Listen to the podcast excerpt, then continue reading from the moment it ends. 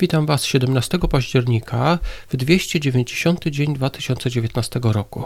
Pozostało nam już tylko 75 dni do końca roku. Zapraszam do wysłuchania czterech ciekawych rzeczy. Druga Samuela, rozdział 13. W poprzednich rozdziałach czytaliśmy o grzechu króla Dawida i o tym, że prorok Natan powiedział mu, że zło przyjdzie z jego własnego domu. Teraz czytamy o tym, jak to się dzieje. Druga Samuela, rozdział 13, werset 21.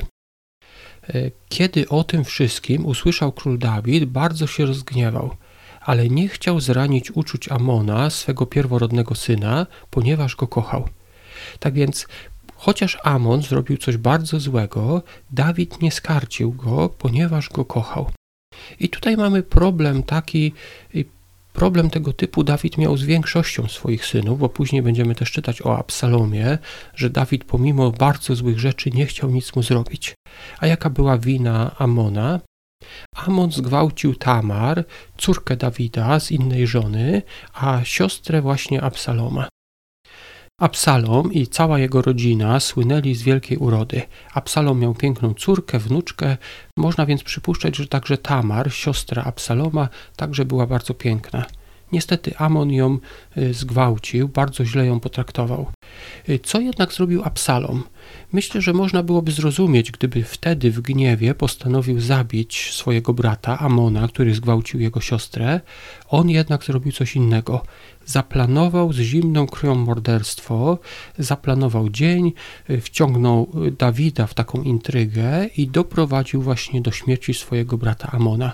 Wszystko to wskazuje na to, że on nie to, że zrobił to, zabił swojego brata przez to, że zgwałcił jego siostrę, ale on chciał to zrobić i wykorzystał to jako taką wymówkę. Przypomnę, że Ammon był pierworodnym Dawida, czyli był pierwszym jakby do tronu, a Absalom był trzecim. Tak więc pozbywając się swojego brata pierwszego do tronu, niejako Absalom stawał się tym, który był stawał się tym, który miał bliżej do tronu. O dalszych problemach z tym synem, z Absalomem, będziemy czytać w kolejnych rozdziałach. Jeremiasza, rozdział 48. Jak mówiłem wczoraj, czytamy teraz o proroctwach przeciwko różnym narodom. Wczoraj był, była Filistea, dzisiaj jest Moab. W dziesiątym wersecie czytamy: Przeklęty jest ten, kto zadanie od Pana wykonuje niedbale.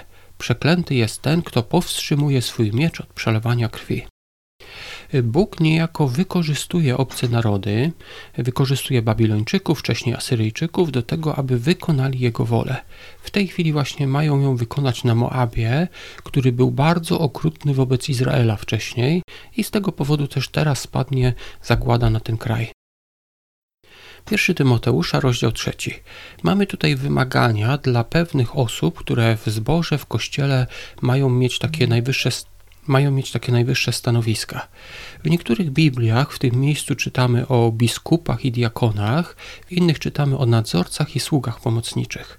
Chodzi o jakieś osoby, które mają jakiś przywilej, mogą podejmować decyzje w w kościele. Werset 12 mówi o tym. Diakoni powinni mieć jedną żonę i zapewniać dzieciom i własnym, rodzicom, i własnym rodzinom należyte przewodnictwo. Zauważmy, że ktoś, kto miał zostać diakonem albo w innych Bibliach sługą pomocniczym, miał zacząć od własnego domu, najpierw tam miał przewodzić, a dopiero potem miał dostać takie stanowisko w zborze albo w kościele. Księga Przysłów, 31 rozdział, wersety 17 do 19. Dalej czytamy o tej mm, wspaniałej żonie, o tej kobiecie. Czytamy o tym, że, prawa, że prowadzi interesy, pracuje do późna. Werset 18. Widzi, że jej interesy przynoszą zyski, w nocy nie gasi swojej lampy. To pokazuje, że w tamtych czasach, w czasach starożytnych, kobieta miała duże możliwości, mogła prowadzić interesy, mogła kupować, sprzedawać pola czy jakieś inne rzeczy, czyli w zasadzie była producentem, prowadziła, można powiedzieć, firmę.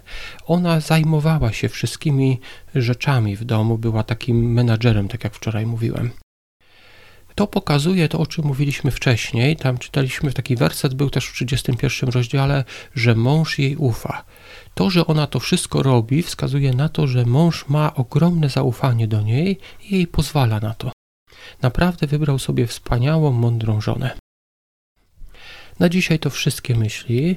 Dziękuję Wam za wysłuchanie, zapraszam do komentowania i do usłyszenia jutro.